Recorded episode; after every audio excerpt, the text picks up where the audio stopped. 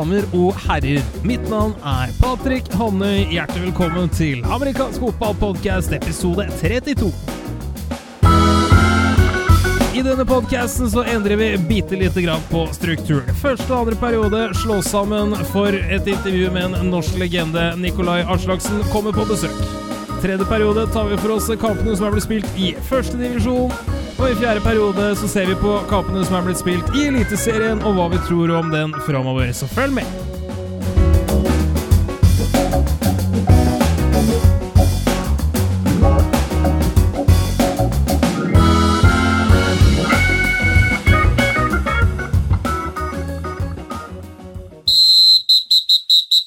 Velkommen hit til amerikansk fotballpodkast. Mitt navn er Patrick Hamnøy. Med meg, som alltid, redaktør av fotball.com, Jarle Magnus Henriksen. Velkommen til deg. Takk for det, Patrick. Og spesielt velkommen til en uh, gjest vi har gledet oss til å ha på besøk. Mannen, myten, legenden Nikolai Aslaksen. Velkommen til oss. Ja, takk for det. Hyggelig, hyggelig. Hvor uh, befinner du deg i verden? Jeg befinner meg eh, hjemme i, Oslo, på Bogerud. Etter nylig hjemkommet fra mm, fotballtrening med U15-laget til Oslo Vikings. For det er det som du driver med nå. Du er altså trener for U15-laget til Oslo Vikings. Hvor lenge har du vært det? Ja, jeg, har vært, jeg, er jo jeg er ikke hovedtrener, jeg er håper å si, hjelpetrener eller kanskje defensive coordinator. Ja, slash litt her og der. Jeg har vært det noen år.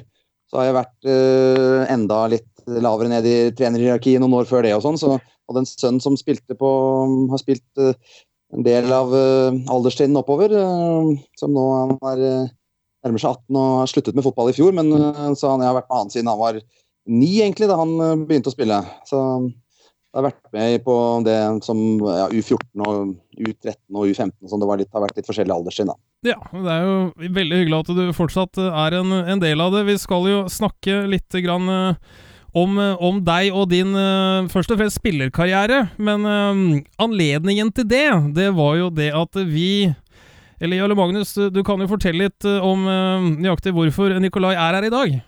Bakgrunnen er at vi har hatt en auksjon på websiden av, av hans gamle hjelm, som han brukte i hva var vi fant ut, ti sesonger.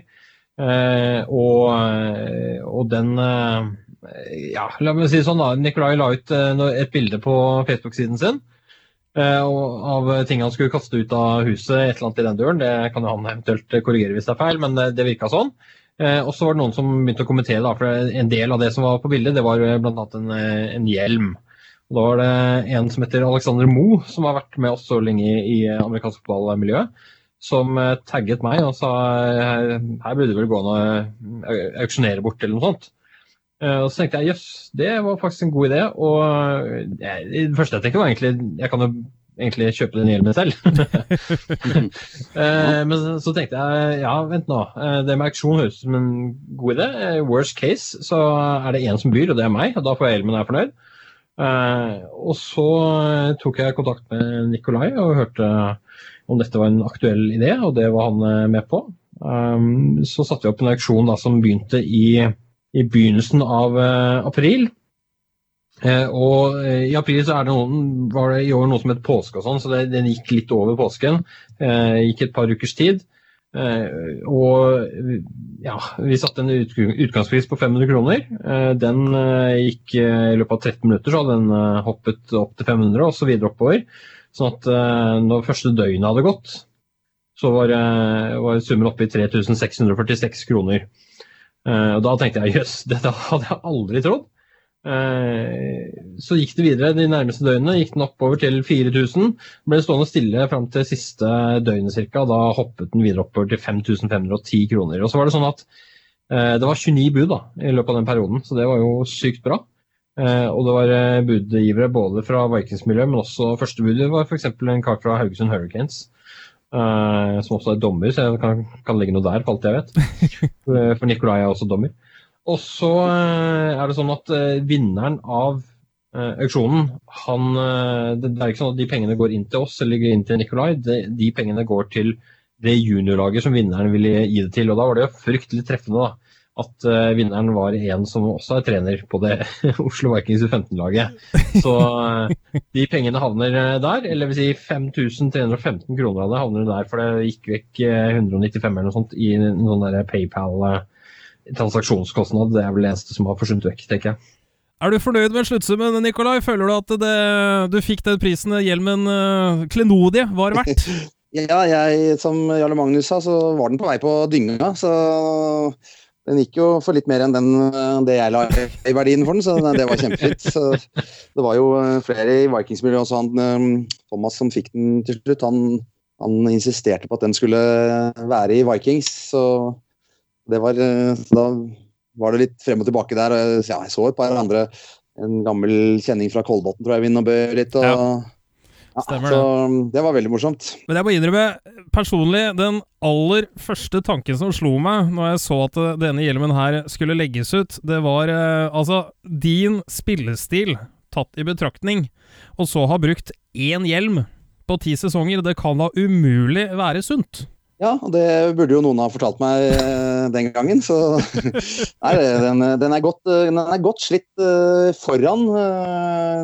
Facemasken er bulkete og rusten og litt av hvert. Så det var jo Jeg kjøpte jo, fant jo ut etter hvert Det var ikke den siste hjelmen jeg hadde, så jeg skjønte etter hvert at jeg måtte, måtte bytte den. Men det var liksom den, den hjelmen jeg hadde lengst, og den hang lenge ute i boden og ikke skulle tas vare på. Men så Ja, jeg har jo Tatt, har den siste hjelmen har jeg jo fortsatt i bagen eh, sammen med utstyret. Sånn i tilfelle, liksom? og, ja, i tilfelle man plutselig skulle ryke bortom noe. Så har jeg jo jeg tror jeg har den første hjelmen nå, så jeg tenkte jeg, har, jeg kan ikke ta vare på alt sammen. så men, men når jeg kjøpte de siste hjelmene, så var det jo som å få på en, en deilig myk sofa på hodet i forhold. For det var jo, det var jo et, et, plastskall med noe isopor i omtrent. Så det var riktignok noen muligheter for å få på noe luft, men det tror jeg var godt stykke for etter tre-fire av de årene. Så, så nei, det, var ikke, det var nok ikke det beste utstyret Nei, men tatt, tatt, i betraktning det vi ble fortalt når vi hadde Vikings 30 eh, år spesialpodkasten, så var jo utgangspunktet for de som begynte med dette her, mopedhjelmer og hockeyutstyr, så således så var det jo uansett ja, en, eh, en, oppgradering. Jeg vet ikke om du, du rakk å bli med ja. på, på, den delen av Vikings-historien. Når, når starta du karrieren? Begynte i Vikings i 89. Så det var eh, Det var jo et par-tre år etter at Vikings ble dannet som Vikings, da. og noen år etter at liksom Handelsgym og Ullern og disse lagene spilte, da, så mm. var de enda utgangspunktet. Så kom ikke helt med i begynnelsen. Og litt festlig, Jeg ble spurt av et par uh, kamerater som var med å starte Vikings. Uh, ja, om det var i 86 når Vikings ble eller kanskje 87, om jeg var interessert i å være med og spille amerikansk fotball. Da spilte jeg ishockey og vanlig fotball, og så sa jeg nei, sånn amerikansk fotball det er ikke noe for meg. Det, det er bare sånn mølje med folk og sånn, så det kan jeg ikke tenke meg at det, det gidder jeg ikke. Så var det en anledning litt senere hvor jeg traff et par andre, Ole Petter og en annen André Ingebrigtsen, på T-banen. og Da var de på vei hjem fra trening og hadde utstyr og sånt. Jeg, hm, kanskje jeg skal være med og prøve en gang, da. Og så, og så var jeg med på en trening i ja, det var jo i Handelsgyms lokaler nede i underetasjen med søyler og sånn. Vi måtte løpe rundt uh, uh, i 1989, og det var det. Så da ble det noen år etter det, da. Ja, det ble noen år. Hvor mange, hvor mange, år ble det til slutt? Du hadde vel noen, noen opphold sånn uh, tidlig 2000 som uh, de fleste andre som var med gjennom 90-tallet, men uh, har du regnet på hvor mange år det har blitt, blitt til sammen? Ja, det ble 25 sesonger. Jeg hadde, jeg hadde, jeg hadde bare ett opphold. Jeg hadde én sesong jeg ikke spilte, og det var i 2005. Ok, det var kun én år, ja. Ja, det var ett år. Da, og da, da, var jeg ferdig i 2004. Nå er det slutt. Og så, så, spilte jeg ikke i 2005, og da var jeg ikke og så en eneste kamp heller, for det, det, det klarte jeg ikke. Nei. Så kom 2006-sesongen, og så mm, Ja, så ble jeg lurt tilbake, og da ble det ble jo noen år til etter det, da. Men du fikk vel med deg EM i Østerrike i 2007 også, gjorde du ikke det? Jo da, jeg gjorde det. Så det, det var med der, og det var veldig, veldig morsomt. Veldig bra opplevelse. Og også som håper jeg, landslag eh, den gangen. da. Apropos landslag, jeg var med på kanskje det første landslaget når vi spilte i 90 Uh, ja, var det 94 eller når det var? Eller 96. Vi spilte i Sverige, mot, mot Sverige og Finland.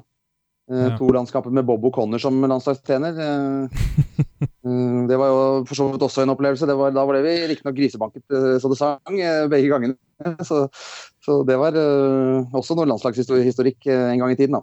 Ja, Det var vel en periode du også hadde den eneste touchen for det norske landslaget gjennom ganske mange år. Er det Ja, det, det, det, var fra finlandskampen på Jordal, en kickoff return. Eh, så det var eh, første Det tok lang tid før den ble tangert. Det, det gjorde det. Var, var først i Østerrike, da, så da ble den tangert der, da. det er Altså, du har jo spilt i, i, Norge gjennom alle disse årene, og via Vikings også deltatt i uh, Europacupspill, og, og, som du også nevner, landslag osv. Men uh, det er jo noen um, noen høydepunkter her, og deriblant så var jo du også spiller i World League, altså forløperen til NFL Europe. Når var det, og hva var foranledningen til at du kom med? Ja, det var i 1991. Det var den første sesongen til World League. Uh, World League, eh, som, som, sier, ble til NFL Europe etter noen sesonger. Uh, og litt sånn, og det var, det var jo World League var jo et sånt konsept som NFL uh, startet for å spre sporten. De ønsket, å, ønsket to ting. De ønsket å spre sporten, og så ønsket de å ha en, en vårliga. Så dette var en liga som gikk på våren. Da. Mm. Og tenkte at man skulle være opptatt av amerikansk fotball hele året i USA. Og så hadde de opp, en sånn tanke om at alle lag skulle ha For å spre sporten, så måtte de ha også da ikke-amerikanere på laget. Og det var jo ikke-amerikanere Det var de som ikke var amerikanere og ikke canadiere, som var definert som på en måte amerikanere i så måte, hvis ikke jeg husker helt feil. Og så alle lag skulle ha fire, fire sånne talenter fra, fra USA, nei, utenfor USA som, um, som, skulle være på laget og lære seg opp i amerikansk fotball og være en del av laget, og, men liksom da trekke interesse i hjemlandene sine. da. Jeg ble rekruttert til det. Men ja, forhistorien er jo at jeg var på universitetet i Wisconsin året før, egentlig bare som um, Jeg skulle hadde begynt på universitetet i Oslo, så tok jeg et halvår i Wisconsin for å reise og gjøre noe annet. Og tok noen, noen fag på noen IT-fag som jeg har uh, tatt utdannelsen i. Tok der. Uh, egentlig bare noen få fag, så jeg var sånn special student, var ikke en ordentlig student. Det hørtes litt uh, hadde... suspekt ut, men ja. ja, og det, det, det, har, det, har, en liten uh, twist, fordi at jeg uh, klarte via via og noen jeg kjente og litt sånn, å komme meg på uh, som walk-on på Wisconsin. da. Ja. Treningene til Wisconsin Badgers. Første året trener, treneren deres Barry Alvarez var inne, for øvrig, som jo er en legende i Wisconsin. og Da fikk jeg lov å være med på treninger der da, og var, ble, ble testet og prøvd og løp og gjorde masse øvelser. Altså, 110 stykker på trening i en diger innendørshall med halvannen på vannet og litt sånn. Eh, og så fikk jeg eh, beskjed om at jo, det syns jeg var talentfull nok til at de ville ha meg i troppen. Um, og da men da måtte jeg, eh, dette var på våren, eller januar-februar, så måtte jeg bli, jeg måtte bli fulltidsstudent. Og så måtte jeg komme tilbake og ta noen SAT-tester og litt sånn ymse akademiske ting som måtte på plass først. Og så mm. kunne jeg begynne til sommeren, da. Og bli med i, i, troppen. Det var liksom, Wisconsin er jo kjent for å ta imot walk-ons. og Walk-ons er jo det er ikke noe økonomisk Du får ikke noe scholarship og sånn uh, for det, men du er nå med, da. Så du ble aldri men, tilbudt scholarship på Wisconsin? Det, det, var å kunne være Nei. med som walk-on? Ja da, det var som walk-on. Så det var liksom rammene for det, da. De, som sagt, Wisconsin har mange walk-ons, så de beste de kommer videre og får scholarship kanskje etter et par år. og sånn. Andre ja, det vet, det vet, man ikke så mye om. De forsvinner eller spiller ferdig karrieren som walk-on. på en måte, så. Men uh, det var nå det. Jeg fikk i hvert fall tilbud om det, men da jeg skjønte ikke egentlig liksom, uh, omfanget av hva det var. Jeg visste ikke så mye om eh, amerikansk spilt amerikansk fotball i Norge et par år bare. og På det tidspunktet hadde du spilt i ett år, hvis matematikken min er korrekt? Ja da. En, en sesong og litt uh, trening og sånn før det, så hadde det ikke vært med så veldig lenge. Så og så var det liksom Jeg jo, skulle jo hjem og studere, og sånn, så jeg tenkte at nei, jeg reiser hjem, jeg, for det var det som var planen. Mm. Så da dro jeg hjem, da. Så, så, men så var jo, kom World League på banen da året etter, da, og da var det Da hadde de De skulle plukke ut en del folk rundt omkring i, i verden, Europa og ja, overalt, egentlig. Og da hadde de fått gjennom forbundet i Norge den gangen, så fikk de tips om at jeg kunne kunne være en aktuell spiller. Også, men De hadde ikke sett meg på noe også, men da kontaktet de Wisconsin og fikk, da fikk de gode skussmål på meg derfra. Da, og da fikk jeg eh, gjennom det tilbud om kontrakt og, og mulighet for å spille i World League. Da. Men, det, det, var forløperen til det, da. Men denne muligheten tok du da? Den tok jeg jo, det kan jeg jo kanskje Jeg angrer jo ikke på det, men uh, det som skjedde det sekundet jeg sa ja til det, var at jeg ble betalt og mistet selvfølgelig all college eligibility, sånn at jeg da ikke kunne gå tilbake til noe college til i dag. Ikke? Det, men uh, jeg fikk jo spille på med, med jeg vil si de beste, mange av de beste, nest beste. Jeg hadde to på laget som hadde spilt i hver sin Superbowl og De kom fra de store collegene, og de var Det var Trenerstaben var Ja, jeg hadde en trener som var en Roman Gabriel. Mm, Kjent, ja. Veldig kjent spiller i USA. Spilt i mange mange år i NFL og sånn. Så det var, det var jo et kjempeopplegg. Så, så jeg lærte jo veldig mye om fotball og hvordan man kan organisere fotball og liksom eh, hvordan rammer rundt kan være og sånn. Og fikk jo være med på veldig mye det, det året, da. Så det var, det var vel verdt det, liksom. Så kan man jo i ettertid spekulere om jeg hadde hatt noe sjanse i college-verdenen og hvordan det kunne gått. Men det, sånn, det vet man ikke. Da kan jeg bare fantasere selv. Men uh, hvor, hvor, i verden var du da? I, i hvilket Wardy-lag uh, og, og, hvor i verden? Ja, det, Jeg skulle prøve å dysse ned det, da, for jeg spilte på eh, et lag som heter Rally Durham Skyhawks, som var med første sesongen. og som Vi tapte alle, alle, ti kampene. De altså gikk 0-10 og røk ut, og laget ble også lagt ned da, etter den sesongen. Bl.a. pga. dårlige resultater og litt uh, Vi hadde si, dårlig publikumsforslutning. Vi hadde bare sånn 15 000-20 000 på kampene, så det, var, det, ble for lite. Det ble for lite, da. Så, og de flyttet liksom laget til eh, Ohio, hvor jeg de gjorde altså, man si, eh, eierskapet. da. Ohio Glory. Ja. Så når den, eh, dette var jo i North Carolina. Jeg holdt til da i Rally, en by som het Rally. Som, som var der og spilte på uh, NC State sin uh, hjemmebane. Mm. Uh, Carter Finley stadion, som tar 60 000-70 000. Så det, selvfølgelig når det var 20 000 på tribunen, så var det jo fortsatt ganske mye ledige plasser. Men, uh, Hvor godt betalt var det ja, på, på, den tiden der? Nei, det, var, altså, det som var med World League, var at det var en sånn um, en fastlønnsliga. da, uh, Hvor det ikke var noe sånn prestasjonsbasert og stjerner fikk mer. Det var Kickere fikk 15 000 dollar. Quarterbacker fikk 25 000, og alle andre fikk 20 000. Og det var det jeg altså fikk, da. Okay. Ja, men det, 20 000, det var jo, da var dollaren i sånn 8-9 eller noe, så det var jo eh, en del kroner for meg, da. Så jeg hadde, eh, måtte betale for bolig og sånn selv, men jeg satt jo igjen med penger til å dekke noen semestre med studie, i hvert fall. Så det var jo det var gunstig. Alltid greit for en, eh, for en fattig student. Men etter, etter, dette året her så reiste du da tilbake igjen til Norge. altså hvilke, hvilke, erfaringer tok du med deg og på en måte begynte å spre rundt deg når du kom tilbake til Oslo Vikings, hvis du husker det? Uh, ja, jeg, altså jeg hadde, jo, jeg hadde jo med meg uh, playbooks, offense og defense-playbooken fikk jeg med meg, og det kunne jeg ta med. Det var greit. og det, den, Vi brukte jo en del av noen konsepter, hadde litt systemer fra det, tok noen enkeltspill som fungerte bra og sånn, som, som, vi prøvde å dra inn, og det, det, det, kunne vi ha en stor glede av. Det var ikke noe kunne ikke akkurat overta playbooken, for det, det, var på litt annet nivå enn vi drev med. Men, men det var på en måte hadde, Vi kunne bla litt, og vi så en del så en del ting, hvordan man skulle lage en playbook, hvordan man skulle strukturere.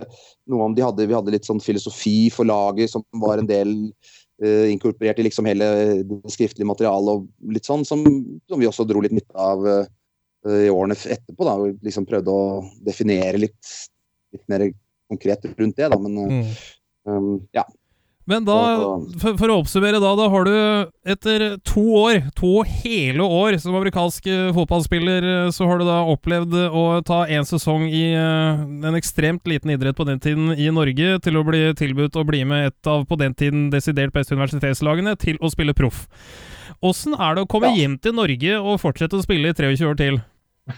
Nei, eh, du kan jo si at eh, det var, Heldigvis så var det så kort smak at jeg hadde liksom ikke fått uh, blitt lei av amerikansk fotball på det, den lille tiden her, så jeg ville jo spille bare mer og mer. Jeg syntes det var kjempegøy å komme hjem og spille. og mm, Jeg føler at jeg gjorde det relativt bra i, når jeg kom hjem og kunne være med å dominere i Norge, så det var jo det var gøy sånn sett. Så, men det er klart, etter, når det har gått 20 år siden du spilte i World League, så er det føler jeg litt sånn Ja ja, du bør kanskje ikke dra frem det, det er 20 år siden. og uh, Sånn er det, liksom. Jeg har, jeg har jo den, den, største delen av karrieren min har vært i Norge. Eller uh, alt sammen omtrent uh, har vært der. Og det er jo på en måte de og Europa, det er jo de måte, merittene som betyr noe, egentlig, da, hva jeg har fått til der. da, så og det har jeg litt lyst til å spørre deg om da, gjennom en, en såpass lang, lang, karriere. altså Hvis du skulle plukket ut uh, tre høydepunkter da, for, uh, for din del, hvilket, uh, hvilket, skulle det vært, sånn på stående fot? Ja, altså mm, Et høydepunkt var å spille på Wembley for 35 000 tilskuere. Gamle Wembley, det var mot London Monarchs. Vi tapte. Ikke så Det var ikke noe slakt. Vi gjorde det bra og sånn. Det, det, var måte Det sitter igjen som en veldig stor ting. Eh, så var det selvfølgelig også Vi spilte jo da med Vikings, Oslo Vikings eh, i uh, europacupfinale i uh, Brussel mot London House. Tapte 12-6 og i en kamp som var helt jevnt, og det var også en veldig stor greie, syns jeg. veldig gøy, og vi hadde et veldig bra lag. og Vi, var liksom en, vi var i en ordentlig driv de par årene rundt der, så det var, det var veldig stort. Og så Uh, ja, jeg har jo vunnet uh, NM-gull noen ganger, og det er jo alltid veldig stort. Men selvfølgelig det første NM-gullet husker jeg også veldig, veldig, som et veldig sånn magisk øyeblikk. fordi det da Vi hadde spilt mot Rolls i en del år, og vi ble liksom de Tapte masse hver gang første året jeg var med å spille, ble vi slaktet, men så snudde det, og vi vant. og Det var også veldig måte, et høydepunkt i karrieren. Men selvfølgelig, i nyere tid så er det jo også um, NM-gull eh, og det, det vi, den sesongen vi spilte med, med, Mark Anderson, hvor vi var uh, ubeseiret uh, å si, gjennom hele sesongen og mm. gjennom sluttspill og NM-gull. Og ikke minst også at uh, klubben var ubeseiret bortsett fra én kamp. så det var Uh, U15-laget som jeg var trener for, dessverre tapte én kamp. den ene kampen uh, mot slutten av sesongen, så ellers så var hele, hele laget ubeseiret. Hele, alle lag i alle nivåer. og Det var også, det er også en ganske sånn unik situasjon. Da. Så, ja, og da, da snakker du om 2012-sesongen? Det, stemmer sikkert, ja. Da var det vel egentlig det jeg tror vi, vi rakk for denne omgang. Vi håper i hvert fall vi har gitt uh, vårt yngre publikum i det minste en uh, litt større forståelse om hvorfor auksjonen med denne hjelmen uh, var, ble til den, den, saken det ble da. Jarle Magnus, har du noe å spørre om sånn helt avslutningsvis? Ja, Nikolai, har dere sagt noe om i trenerstaben hva de pengene skal brukes til, eller er det, er det sånn man ikke har kommet til ennå? Nei, vi har vel ikke noe konkret, men han, eh, det, Thomas har jo sagt at det skal gå til eh, U15-laget. Og jo, vi har jo uh, ganske mange konkrete behov. Vi trenger overtrekksdrakter, vi trenger uh, tannbeskyttere, vi trenger uh, nye hjelmer og, og, sånn. Så det er ganske mange ting som, som lett kan, pengene kan brukes til. Så det er jo en det, det, var penger som vi bare hadde måttet skaffe på et eller annet vis, for vi må ha de tingene. Så, så da var det jo fint at hjelmen kunne bidra litt eh, på den måten. Kjempebra. Blir det, blir det 5000 kroner i tannbeskyttere, hører jeg? Ja, det blir eh, Nå skal vi ha top of the line, eh, nyeste tannbeskytterne med selvlysende krum og, og sånn. Ja, vi har fått et veldig bra tilbud fra noen borti Kina som skal selge oss noe der, så ja, Det er i hvert fall ikke tvil om at eh, de pengene kommer til å få beina å gå på ganske fort. Eh, da tror jeg vi bare runder av der, eh, Gjelle Magnus. Takk for at du var med oss, men aller mest tusen takk til deg, Nikolai Aslaksen, og vi høres. Takk for meg.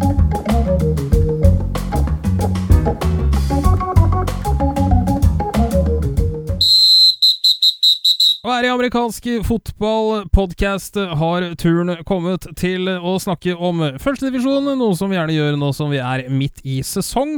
Eh, både førstedivisjon og eliteserie, men denne sekvensen skal da i hovedsak handle om de kampene som har vært spilt i førstedivisjon sesong i 2017, og de som skal spilles, og hva vi tror om de. Med meg fremdeles redaktør av fotball.com, Jørgen Magnus Henriksen. Velkommen. Takk for det. Det er ikke så dårlig nivå på førstedivisjon i år, syns jeg. Det, noen, det har vært spilt noen bra kamper. Jeg vet ikke hva du syns? Jeg syns Førstedivisjonen førstedivisjon og Eliteserien har eh, nærmet eh, seg hverandre i nivå. Og så syns jeg førstedivisjon er jevnere i år. Jeg tror nok ikke verken Åsane eller uh, Nidaros, som var i førstedivisjon i fjor, hadde gjort seg bort i år, årets førstedivisjon, for å si det sånn. Men de, lagene, de, andre lagene, som Olavs menn, som Haugesund Hurricanes, som Drammen Warriors, som spilte i førstedivisjon i fjor, de er ikke på det nivået, eller var ikke på det nivået som årets første divisjon er, syns jeg. Sånn at, eh, at, slik har nivået hevet seg, og det er en mer spennende liga å følge med på. Det er jevnere kamper, og det har vi jo sett så langt at eh, det er vel eh, ett ujevnt resultat som var 21-0. Og, og, da, for, for de av oss, og det er oss to i hvert fall, som har vært med siden 19-krigen, så er det liksom Det er jo superjevnt. Ja, ja. eh, og så er det bare at vi har vært heldige og hatt en eliteserie som de siste årene har vært i stor grad jevn. Ikke alle kamper, men stor grad. Eh, og nå får vi de i første divisjon også, det er kjempepositivt. Skulle vi bare hatt eh, ti lag i hver av de seriene, men det, det kommer etter hvert. Det får vi håpe at det gjør. Men på snakk om jevne kamper, så er da den eh, første av de to kampene som har vært spilt i førstedivisjon siden forrige podkast, som vi skal ta for oss.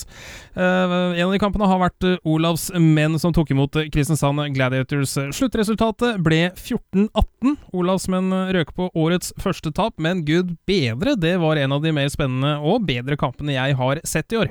Ja, det skjønner jeg at du syns. Det var en bra kamp. Det var to lag som virkelig ville vinne. Eh, og Olavs menn var tøffe på hjemmebane, de. Eh, de gikk riktignok på et tap som Jeg skal ikke si at vi forventet det, vi hadde tippet det. Men vi visste at det ville bli en, en kamp som kunne bli veldig jevn. Og vi trodde at det ville være til fordel for Gladiators, det var det også. Men åh, det var nært med å vippe andre veien. Det er synd å si det for de som, som ikke orker å høre navnet Tor Kampe nok en gang, men det, det er en, altså, han er en kjempeforskjell der. og det tar ikke noe vekk da fra resten av Olavs menn, eh, men det er klart eh, man skal være rimelig snøblind for ikke skjønne at han betyr mye for eh, hvor godt det laget er. Og Tor Kampe har jo også en fortid i Kristiansand, så hvorvidt det gjorde denne kampen mer spesiell eller ikke for hans del, det kan vi jo bare spekulere i, men det var ganske tydelig at Kristiansand var godt forberedt på å møte nettopp Tor Campo, hadde noen taktiske vrier for å møte han. Ja, de hadde bl.a. noe pasningsspill eh, hvor eh, de helt tydelig vet hva han er god på, og det er å være veldig kjapp til der hvor ballen er, og lese spillet godt. Men det betyr av og til at han er litt for kjapp til det. Og hvis man da har kjørt et spill tidligere med f.eks. en swing pass, og så Går det noen drives, da, så kjører man samme spill igjen, men så plutselig så har det kommet en seam-route inn i bildet, og sånne ting, og så eh, faker man til swingpassen, og så kaster man det der hvor Tor Kampe kanskje var tidligere. Så kan man åpne opp noen hull. og Det, det var en kjempekjekk fordel for Kristiansand for at de skulle komme tilbake i denne kampen. For det var jo sånn at eh, Olavs menn eh, ledet. og så veldig sterke ut, bl.a. etter en uh, fantastisk punterretur av, av Tor Kampe. Der var det navnet igjen, til touchdown. Men nå skal vi da heller ikke ta noe, noe bort fra andre spillere på banen. Personlig eh, er dette her første gangen jeg fikk se quarterbacken til Kristiansand i, i aksjon, Lorentzen. Og han, eh, han gjorde et par veldig bra spill. altså. Den ene pasningen som gikk djupt ned på venstresida, hvor han da faktisk tar seg tida til å pumpfucke etter høyre for å få nettopp Tor Kamper til å fly den veien, og så legge ballen elegant til X-receiveren langt ut på venstre. Det, det, ser man ikke ofte ifra norske quarterbacker. Nei, det forteller om en, en QB som kan sine saker, så tror jeg det forteller om en coaching som er til stede. Eh, og blant annet eh, så er det nok de, de hadde tanker om hvordan de skulle lure hvem de skulle lure i den situasjonen. Eh, og det lykkes det til tider med, men jeg skal ikke ta noe vekk fra, fra Olavs menn heller. Eh, det, det, hadde ikke vært så jevnt hvis de hadde de spillerne de hadde på banen. Og det gjelder jo også, også andre spillere enn Tor Kampe. De har jo han Tor Martin Frøyland syns jeg er god. Eh, dukker opp som receiver, han er sikker som banken som kicker. Eh, kuben eh, deres, eh, svenske Joakim Junhov Rindberg, eller Rindberg som vi sier. han, han, er jo Det nevnte vi før sesongen òg. Vi rangerte litt sånne hvem er de beste offensive spillerne i, i divisjonen, hvem er de beste defensive. og da hadde vi svært få Olavs menn med på de rangeringene. Tor Kampe visste ikke om at skulle spille da, f.eks. Eh, men Joakim Junhove Rindberg er en spiller som kom høyt oppe på den rangeringen. og det, det, ser vi at det er en god grunn til. Han er en viktig katalysator for det angrepet. Det er han, og jeg vil tro, eller jeg vil mene at det som imponerer meg best, er um, eller mest, sier man kanskje på norsk, eh, er rett og slett altså besluttsomheten hans. For det er ganske vanlig, for han var jo running back innledningsvis og spiller da på, på quarterback i år, i hvert fall som vi forsto av Travis uh, før sesongen, hovedtreneren til Olavs menn. Uh, det som gjerne tar litt tid for nye quarterbacker, er uh, dette her med å lese, og det at når man faktisk leser noe, at man agerer i henhold til det. han virker å være veldig besluttsom og trygg i, i sine valg. Er dette her et talent man har, eller er det noe man, man lærer seg? Nei, Stort sett er det bare flaks. Nei, eh, eh det, er, det er kombinasjonen. Det er en kombinasjon av personlighet eh, med eh, ikke minst hvilke valg man har fått servert av, av trenerne i forhold til hva er de taktiske valgene du kan ta her. Og så er det av og til det at det som ser besluttsomt ut for oss, er ikke sikkert det rette beslutningene i forhold til taktikken sett innenfra fra laget sin del. Det vet vi ikke alt om, men vi liker det vi ser fra, fra han da, i hvert fall. Det gjør vi. Nå endte da Gladiators eh, opp med å stikke av gårde med, med, seieren. Altså Kunne dette her gå begge veier, eller var det en eh, nivåforskjell som ble tydeligere etter hvert som kampen nei, skred frem? Eh, nei, Gladiators justerte helt klart best i løpet av kampen. Jeg syns Gøran Thomassen fikk vist frem litt av hva han kan som, som trener. Det er ikke nivåforskjell egentlig i stor grad på de lagene. Begge hører hjemme i førstedivisjon, og begge er i, i toppen av førstedivisjon av en grunn. Uh, ikke at det er veldig langt ned til bunnen der, men, men, men det, er liksom, det, er de to lagene som ser klart uh, best ut uh, så langt. Og så har vi sagt en del om Haugesund, som har et stort potensial. Men det må vi glemme nå, for det, det har de ikke visst i praksis. Det, da, sorry, men det, er ikke benyttet. De kommer vi tilbake til. Um, så vi, skal vi nevne at vi er halvveis i sesongen for deres del, altså det kan jo snu. Men men nei, eh, det er ikke såpass nivåforskjell at uh, Olavs menn kommer De kommer helt sikkert ikke til å dra til Kristiansand og tenke at oi, vi hadde, kunne nesten hatt en benbane, nå har vi ikke sjans. De kommer til å dra til Kristiansand og tenke at uh, nå skal vi ta hevn. Og, så tror jeg at Kristiansand Gladiators har nok kanskje fått uh, hakket mer respekt for hva de står for. Så de, de møter jo ikke et lag som hviler på laurbærene på Karius heller. Den andre kampen eh, som ble spilt eh, siden vi gjorde forrige podkast, eh, var Kolbotn Hunters mot Haugesund Hurricanes. Fra utsiden av sett på egentlig som god, gammel møljeball, som endte opp til slutt med seier til Kolbotn Hunters 12-0 over Haugesund. Nivåforskjell, eller hva, hva skjedde her, Ulle Magnus? Ja, hva skal man skylde på? Eh, eller for, for vår del, vi, vi tippet jo riktig allerede før sesongen at dette er en kamp Kolbotn kommer til å vinne. Eh, men det handlet litt mer om at vi trodde For det første, eh, jeg har stor tro på at har man bedre tid enn motstanderen til å forberede seg, og forutsatt at man faktisk bruker tid på å forberede seg, det tror jeg mange av lagene etter hvert gjør, så har man en fordel. Har man hjemmebane og det er langt mellom lagene, og det er det mellom Kolbotn og vakre Haugesund, så er det også en fordel. Og det, akkurat det viser seg jo tydelig, da, hvor eh, kampen ble utsatt fra klokka to til klokka tre på dagen for at Haugesund skulle ha nok spillere til å stille til start. Da, da vet du at eh, det ikke er fullt hus. Uh, og det var det for så vidt heller ikke, som de hadde med mange dyktige Eller ikke mange, de hadde en dyktige spillere med seg. så vet vi at uh, Kolvorten var heller ikke fullt hus og stormende jubel med tanke på antall spillere. Eh, jeg har ikke sett fryktelig mye av kampen, jeg har sett en del av den. Eh, og det jeg så, var, eh, var under det nivået som vi så på Olavsmenn og Kristiansand Gladiators. Det er ganske tydelig. Kolbotn finner fortjent seier og spiller ganske bra i forsvar, som jeg forstår det. Her kan du korrigere meg, for du har sett hele kampen. Har ikke mens, eh, mens, Haugesund lykkes kanskje med et og annet spill, og ikke sånn helhetlig. Og får ikke drept ballen eh, Inntrykket mitt er vel at det er vel, det er vel strengt tatt ingen som driver i noe særlig større grad. Det er eh, stort spill innimellom. Eh, mm, og så er det en ny runde mølje, og så er det punt eller turnover on downs, og så er det noen som mister ballen. Altså rot jevnt over. Men jeg har, følelsen var ikke nødvendigvis at noen dominerte i forhold til å drive ballen over de andre, men at man hadde litt bedre utfall i forhold til enkelte store spill. Det er i hvert fall mitt inntrykk inntrykk? Jeg tror, jeg tror, det var eh, fint for ligaen sin del, og da vet jeg at jeg ikke snakker for Haugesund. Det hadde vært veldig greit for dem ikke å være 0-3. Eh, men jeg tror de er klar over samtidig at, at de har en spillerstall som får de tingene til å stemme, så, så blir det bra. Men at Kolbotn fikk kjenne på det at her hører vi hjemme, denne divisjonen er der vi skal være.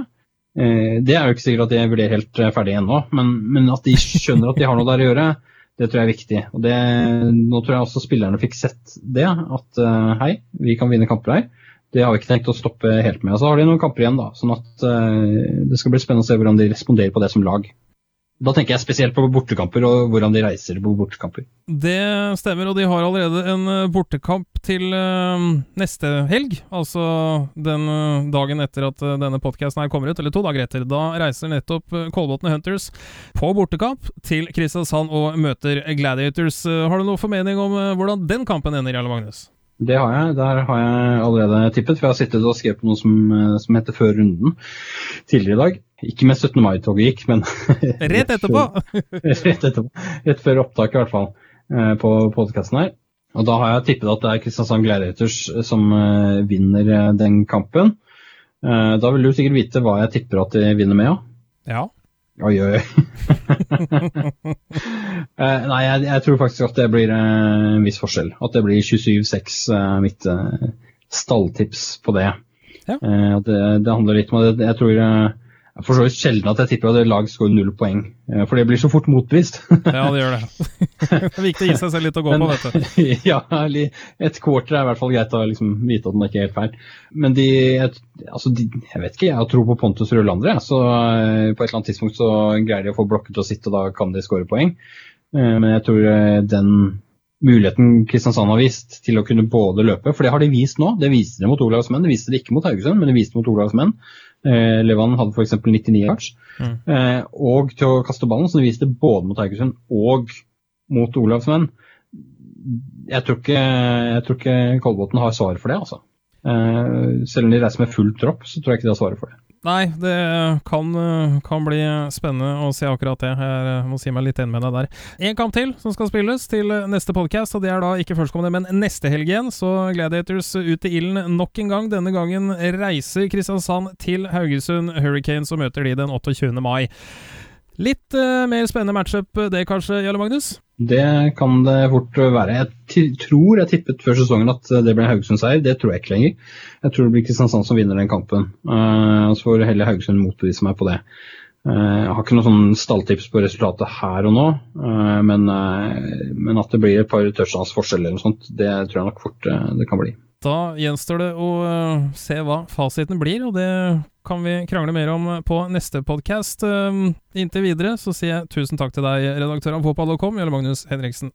Snakkes snart.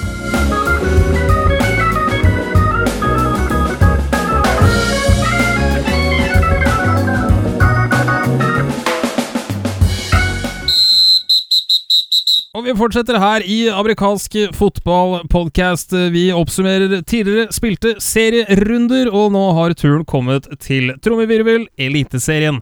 Med meg fremdeles redaktør av fotball.com, Jelle Magnus Henriksen. Hei på deg. Hei på deg. Da har det vært spilt uh, fire kamper i Eliteserien siden uh, vi snakka med hverandre sist. Uh, det er Trolls mot 1814s. Bulls spilte mot Seahawks, og så spilte da Seahawks mot Bulls uka etter. Og så møtte Trolls Vikings på hjemmebane på Frogner nå 16. mar, altså i går, i forhold til når denne podkasten spilles inn. Vi tenkte, eller vi tenkte ikke, jeg tenkte at vi begynner kronologisk, og vi tar for oss uh, første gang i år vi har sett 1814s på banen. Trolls 1814s resultatet ble 24-14 til 1814, så det er vel det nærmeste i forhold til forholdstipset vi har vært hittil. Jarle Magnus?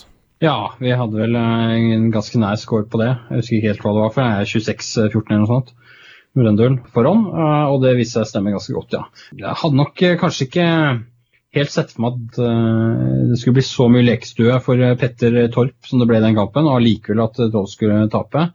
Han hadde da åtte mottak for 210 yards. Det er bra. Eh, og det er bra. Og Johannes Moe, da, som er på å si 13,5, men han er vel kanskje 19 år gammel nå. han, han, hadde 335 yards ifølge våre statistikker. Men flott det, og kjekt med to touchdowns til Petter Torp. Men når du har seks interceptions i tillegg, da begynner det å bli vanskelig å vinne kapper. Eh, og akkurat det med turnovers er jo en stor forskjell der, hvor, eh, hvor eh, Vålerenga hadde syv og Eidsvoll hadde to. Det er, det er en markant forskjell, altså. Sånn at, og igjen, Eidsvoll ligna seg selv. De hadde masse yards på løp. Denne gangen så er det ikke noe Riley Bowen, men Michael Hall kommer inn og gjør omtrent samme jobben. Og så har du Arne August Skovseth Søgaard som er rett og slett fantastisk kjekk å se spille. Uh, bortsett fra de gangene han spiller mot det laget du heier på. Vi var litt spente på, på Eidsvoll nå uh, før sesongen. Uh, skifte i trenerapparat, spillere som i hvert fall ryktene sa kanskje ikke skulle spille i år, osv. Hva tenker vi om, om Eidsvoll i år, det, det, lille vi har sett kontra i fjor? De, de har en hakket svakere stall, syns jeg bredden i stallen er ikke den samme. De har nok eh, ikke så langt færre spillere, egentlig. Men det, det handler jo litt om at de har henta opp en haug med U17-spillere på dispensasjon, bl.a.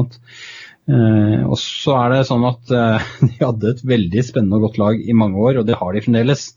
Eh, det er bare at det er litt færre av de profilene vi kjenner. Og så kjenner vi jo ikke de som har kommet inn, ikke sant? sånn at eh, det gjør Eidsvoll. ikke sant? De ser dem på trening. Sånn, de vet nok bedre der eh, hvor mye de er erstattet, de som har forsvunnet ut. Jeg tror nok det vi så mot Trolls, var et lag som er godt, men ikke så godt som det var i fjor. Og så tror jeg også vi skal En ting som jeg la merke til, for jeg så livestreamen av det, i tillegg til da, å ha sett kampfilm i etterkant sånn. Eh, og det jeg la merke til var at det tok ikke lang tid før det var noen som pusta og peste. Og, og, altså, etter spill så står de og bøyer seg ned og prøver mm. å få igjen pusten. Og det syns jeg eskalerte litt utover kampen. Det er ikke et uh, spesielt godt tegn i første seriekamp. altså. Kan man si at første seriekamp betyr at man uh, må akklimatisere seg i forhold til forholdene og sånne ting. Ja. Følg litt med på det der. Hvor mange er som spiller begge veier og sånne ting. Jeg har, akkurat det har jeg ikke 100% oversikt på. Jeg fikk inntrykk av at det var noen få, men ikke sånn vanvittig mange. Det blir spennende å se hvordan det utvikler seg. Og så er jeg spent på om det er andre spillere som tar steget opp, som vi ikke har sett uh, før. Da sikter jeg ikke til importen uh, Michael Hall, som for øvrig hadde tre interceptions av de seks som ble tatt, og én touchdown på det også. Han var helt klart veldig viktig. Det virka å være litt uh, unaturlig avhengig av en god prestasjon fra Arne August Skovseth Søgaard Eidsvoll. er det rimelig å anta at hvis han eventuelt, gud forby, skulle forsvinne ut med, med noe skade tilsvarende, at vi ser et markant annerledes Eidsvoll-lag, eller var det bare dagen hans? Nei, han, han, er viktig, og det kommer han til å fortsette å være. Spesielt fordi han kan gjøre ting både i pasningsspillet og løpespillet. Det gjorde han også den kampen her. Han uh, kan også spille forsvar for den saks skyld. Uh, og det er klart, de mister en sånn trussel på flere nivåer som man som forsvarer må ta hensyn til uh, og, og, respektere. Sånn at jeg tror mye spiller av at han er her og fungerer. og det, ja, Får vi se. Jeg fikk litt sånn flashback når du sa det, så tenkte jeg på Kristen eh, James, som var en helt, helt annen spiller, ja. Eh, men fantastisk god. Eh, han var jo ute med skade i den ene sesongen han var her, var han ute med skade i en kamp mot Kristiansand. Hvor vi tenkte at, eller i hvert fall tenkte jeg det når kampen begynte og han ikke var på banen, at oi, nå kommer de til å tape grundig her. Fordi han var så utrolig viktig. Men da hadde, da hadde Fortens lagt om taktisk fullstendig, eh, og, og vant allikevel. Mm. Eh, sånn at eh, jeg tror ikke vi skal ta for god fisk at når én spiller forsvinner ut, så gjør laget akkurat det samme som de har gjort før. Det kan hende at man gjør taktiske endringer, som, eh, som, får en betydning, og som gjør at man, man lykkes med det, eller mislykkes. Vi kommer sikkert inn på dette med, med, med Battle of Oslo, eh, Oslo Vikings mot Vålerenga Trolls litt senere. Det gjør vi absolutt. Videre så har det også vært spilt eh, ikke bare én, men to kamper mellom Lura Bulls og Åsane Seahawks. Første av disse to kampene så tok Lura imot Åsane på sin hjemmebane. En kamp vi tippet til en meget knepen hjemmeseier seier, som endte opp med en fremdeles knepen, men borteseier til eh, Åsane Seahawks. Hvorfor vant Åsane denne kampen, Jarle Magnus? De var et uh, bedre lag, spesielt defensivt, uh, og greide å skape noe. Mens de, de de sleit vel innledningsvis. Hvis jeg ikke husker helt feil, så skårte Lura først. Leda 7-0, og det gjorde de ganske lenge. Ja. Eh, de skårte bl.a. etter eh, Primært så var det en, en drive hvor eh, Chandler Whittlesey eh, har et eh, langt løp. Og så bruker man noe, noe, spill etter det, først med noe, en formasjon som de kaller heavy, som er to fullbacks og en tailback, og, og de gir ballen til fullbacken, og han, han, er ny som fullback, så han løper sidelengs istedenfor uh, å bruke styrken sin rett opp midten, eller i hvert fall kutte opp tidligere. Eh, og så til slutt er det en kubbe sneak som eh, gjør at Whittlesey er vel den som scorer, hvis jeg ikke husker helt feil. Så, uh, så leda Lura lenge, mens Åsane presset på og så egentlig ganske farlig ut, selv om det ikke lykkes alltid. Altså, de hadde mye spill som ikke gikk deres vei, selv om du liksom så potensialet var der. Mm. Uh, og de, ene, de, banker på døra en gang, og, og det ender opp med en uh, fjerde down, tror jeg, hvor uh, Conor Lynch uh, fømler ballen. Utenfor en sånn så er det en Det er vel sikkert Det er jo nesten fristende å si at det er Alexis Checkwind, tror jeg, som tar ballen i en sånn, og, og først blir det dømt touchdown, så blir det ikke touchdown. fordi man kan ikke gjøre det. Det er den som fømler ballen, som kan ta den selv mm. i sånne tilfeller. Og da får Lura ballen tilbake, og det er rett etter ganske kort tid før halftime. Uh, og man tenker at oi, det, de går med 7-0 til halftime. Det puster hjemmelaget lettet ut. Det gjør jeg òg, for jeg er såpass heier på lura. Men det som har skjedd hele kampen fram til da, er jo at eh, Channel Whittlesey blir løpende rundt fordi linja ikke er der. Ja. Og hva, hva, tror du skjer når de er pressa inn mot Enson? Jo, da lukter jo selvfølgelig Åsane blod, uh, og da kommer de stormen hele gjengen, og det ender opp med at Whittlesey blir taklet for en safety. Uh, 7-2 det står seg til pause, men, eh, men, jeg må jo si at da satt jeg og følte på at oi, eh, det som skjer nå, at nå er det free kick. Så får Åsane ballen, så skårer de en ny touchdown. Mm. Den følelsen holdt seg egentlig resten av kampen, og det var ikke ufortjent at Åsane vant eh, med, med, en, med en touchdown til sammen. da. Fordi de var det laget som truet hele veien, mens, mens Lura bare suste rundt og hadde et forsvar som gjorde en manns jobb, men, men til slutt ikke greide å holde mer. Mens et, men angrepet rett og slett var Det var ikke bra, altså. Nei. Rett og slett. Men eh, tilbake litt til den diskusjonen vi hadde om, eh, om nivå, mye rot osv. i år. Altså, se på, på mottaksstatistikkene til, til Åsane, så har vel receiverne samla sett omtrent eh, 30 mottaksprosent. Det, det, det, er jo ikke, det er ikke bra, dette her. Nei, det er en del drops og sånne ting. eh, og det er eh, Nå var det vel kanskje Når vi kommer til neste kamp, hvor de spilte i Bergen, så er det Lura som, som bidrar mest i den statistikken. Men dette er ikke noe nytt. Dette er sånn det har vært i alle år. Ja. Eh, Det er liksom ikke eh, Nå drar jeg fram ting fra gamledaget, men det er liksom ikke alle som er David Rødsand. Da. Det er ikke alle som tar imot eh, og ser ut som de har superglue på hele kroppen. Sånn er det bare. Og og det, det treffer alle lagene. Så man, det hører jeg så fryktelig ofte, at det er liksom lag som sier at ah, ja, nei, vi hadde dem egentlig, og hvis ikke vi Mm. hadde mislykkes på ditt og datt. Pokker meg, se filmen med andre øyne, se den motsatt vei. Mm. Det skjer akkurat det samme med det andre laget. Sånn at alle bommer på de mulighetene. Du kan ikke drive på å se film på den måten, men du, det du kan jobbe med, er de forbedringene du selv kan gjøre. Og så kan det bli bedre over tid. Det er et annet fokus. På snakk om eh, det, altså hvis vi da tar for oss den, den neste kampen eh, som ble spilt mellom Seox og Bulls, altså denne gangen da i eh, Åsane, så ser man på tallene ligger jo alt rette da for at Bulls skulle tatt med seg den seieren hjem.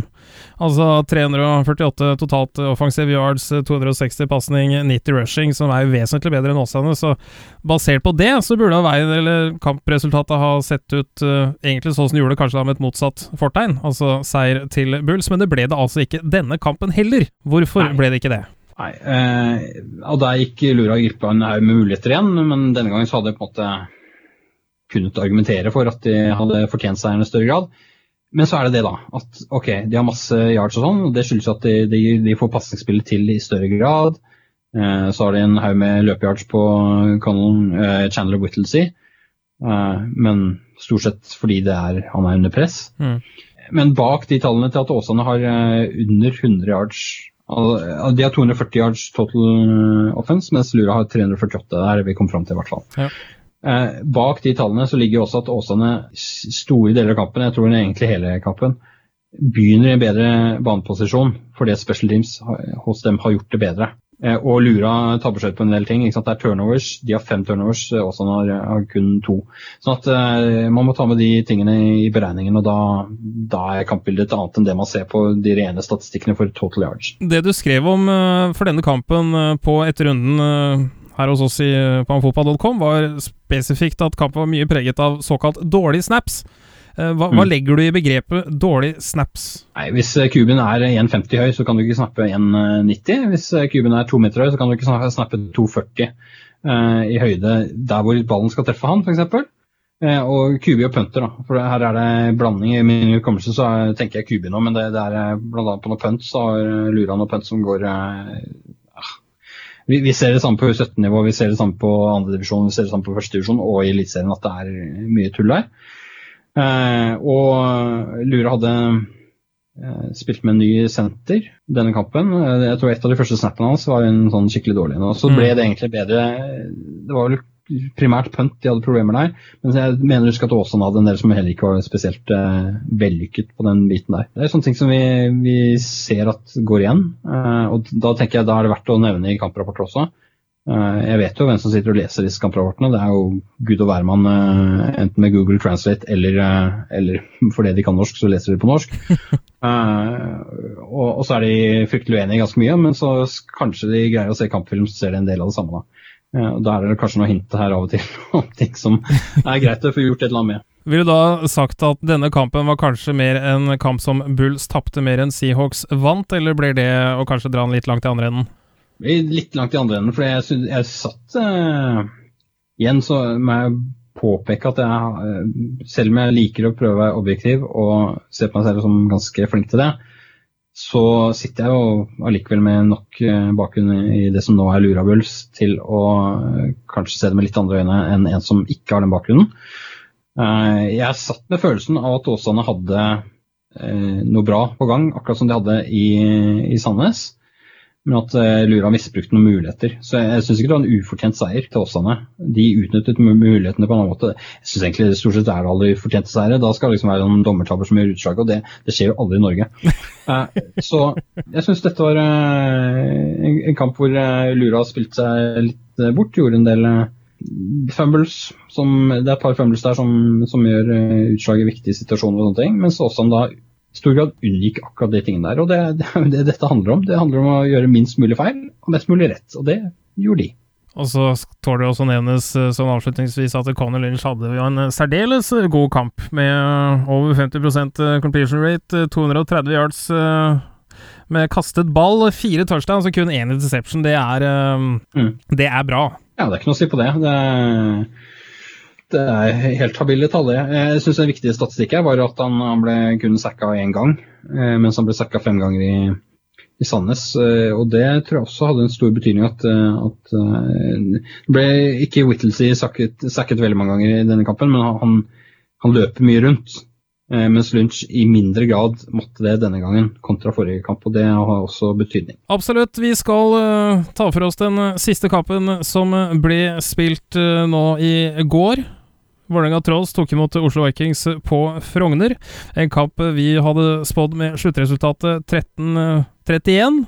Nei, 13-30 var det ikke det? Var det 13-30? Ja, jeg noterte ja. 31 her, men det var ikke så fryktelig langt unna. Fordi 31 poeng ble jo skåret ene veien. Men eh, de 13 poengene til Trolls, de uteble jo totalt. Eh, sluttresultatet ble 0-31. Seier til Oslo Vikings der den 16. mai.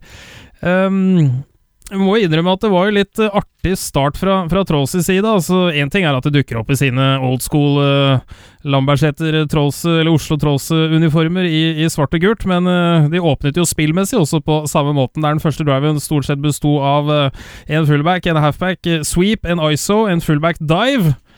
Uh, og det er jo ikke akkurat noe vi har sett fryktelig mye fra, fra Trolls de, de, siste årene. Hva, hva, tror du foranledningen var til, til det taktiske valget fra hovedtrener Scott Power?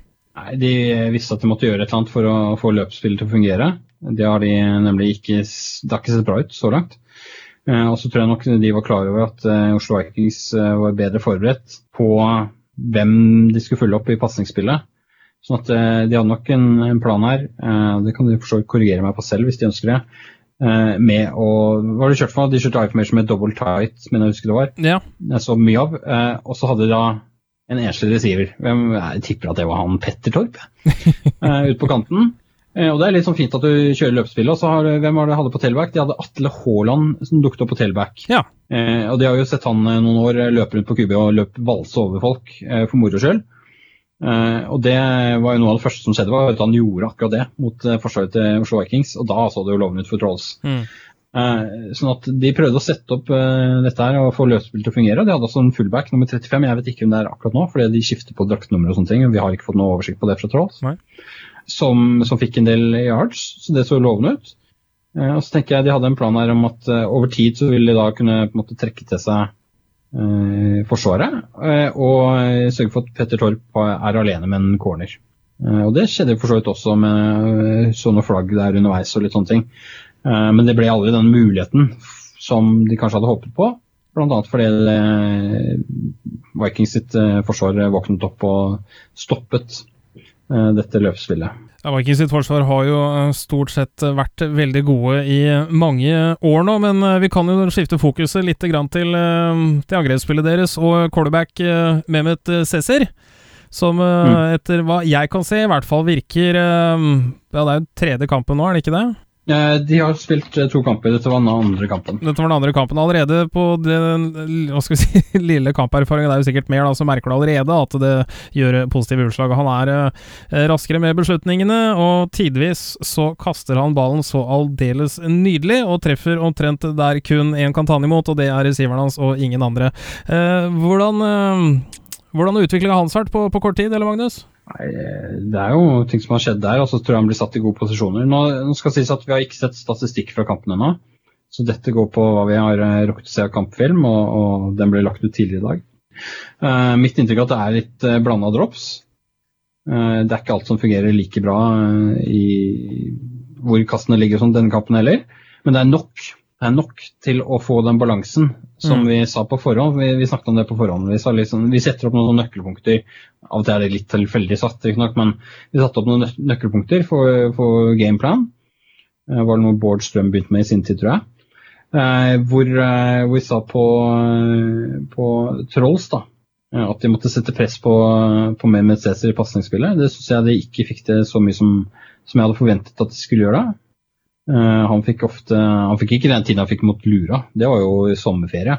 Men, eh, men han fikk, eh, fikk mer tid enn han burde få. Og så sa vi også noe om at for Vikings sin del finne frem balansen i angrep som gjør at Trollsforsvaret ble usikre på hvordan de best skal håndtere oppgavene. Og den balansen den fant de. ikke sant? De, de fikk løpspill til å sitte. Ja. Jeg tror de begynte med Vegard Tysse. Ja. Han er jo Trolls-dødaren. Eh, var jo det i fjor. Fire touchdowns og sånn. Eh, han gjør, eh, har en del kamper mot andre lag hvor han gjør liksom knapt noe yards og gjerne en fumble, og det er vel det. Eh, og så triller han glad rundt, rundt og tenker ja, ja, får ta neste kamp, da. Så kommer han inn her, og så fyker han av gårde og viser veien. Og da, da, Det gjør han veldig tidlig. sånn da blir, allerede da så blir det satt at ja, de, de kan løpe med ballen, og så kan de spille pasninger av det. Og så gjør de det ganske tidlig, og de, setter liksom, de sier fram at hei, her er vi. Eh, De hadde Erik Ford tilbake også, de prøvde å finne han en god del flere ganger enn det ble.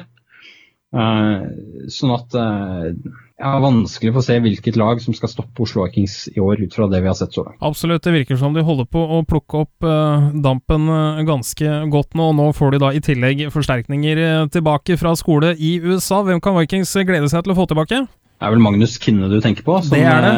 eh, som superscouten eh, Alexander Moe har sendt eh, tilbake fra, fra Texas. Ja, og Det er for så vidt det vi tar oss tid til å snakke om eh, akkurat den kampen. eh, Vi må tenke på å runde av, og vi har noen kamper å se fram imot, også da i Eliteserien eh, kommende serierunder nå. Førstkommende helg får Eidsvoll 1814s besøk sin første hjemmekamp for året. Vålinga Trolls banker på døren. Hva tror vi om eh, det returoppgjøret, Magnus? Jeg har eh, troen på at, eh, at det blir eh, Eidsvoll som går seirende ut av det. Eh, Nå har eh, Trolls eh, fem dager, da, fra 16. mai til 21. mai, ca. fem dager i hvert fall, til å gjøre seg klare til neste oppgjør.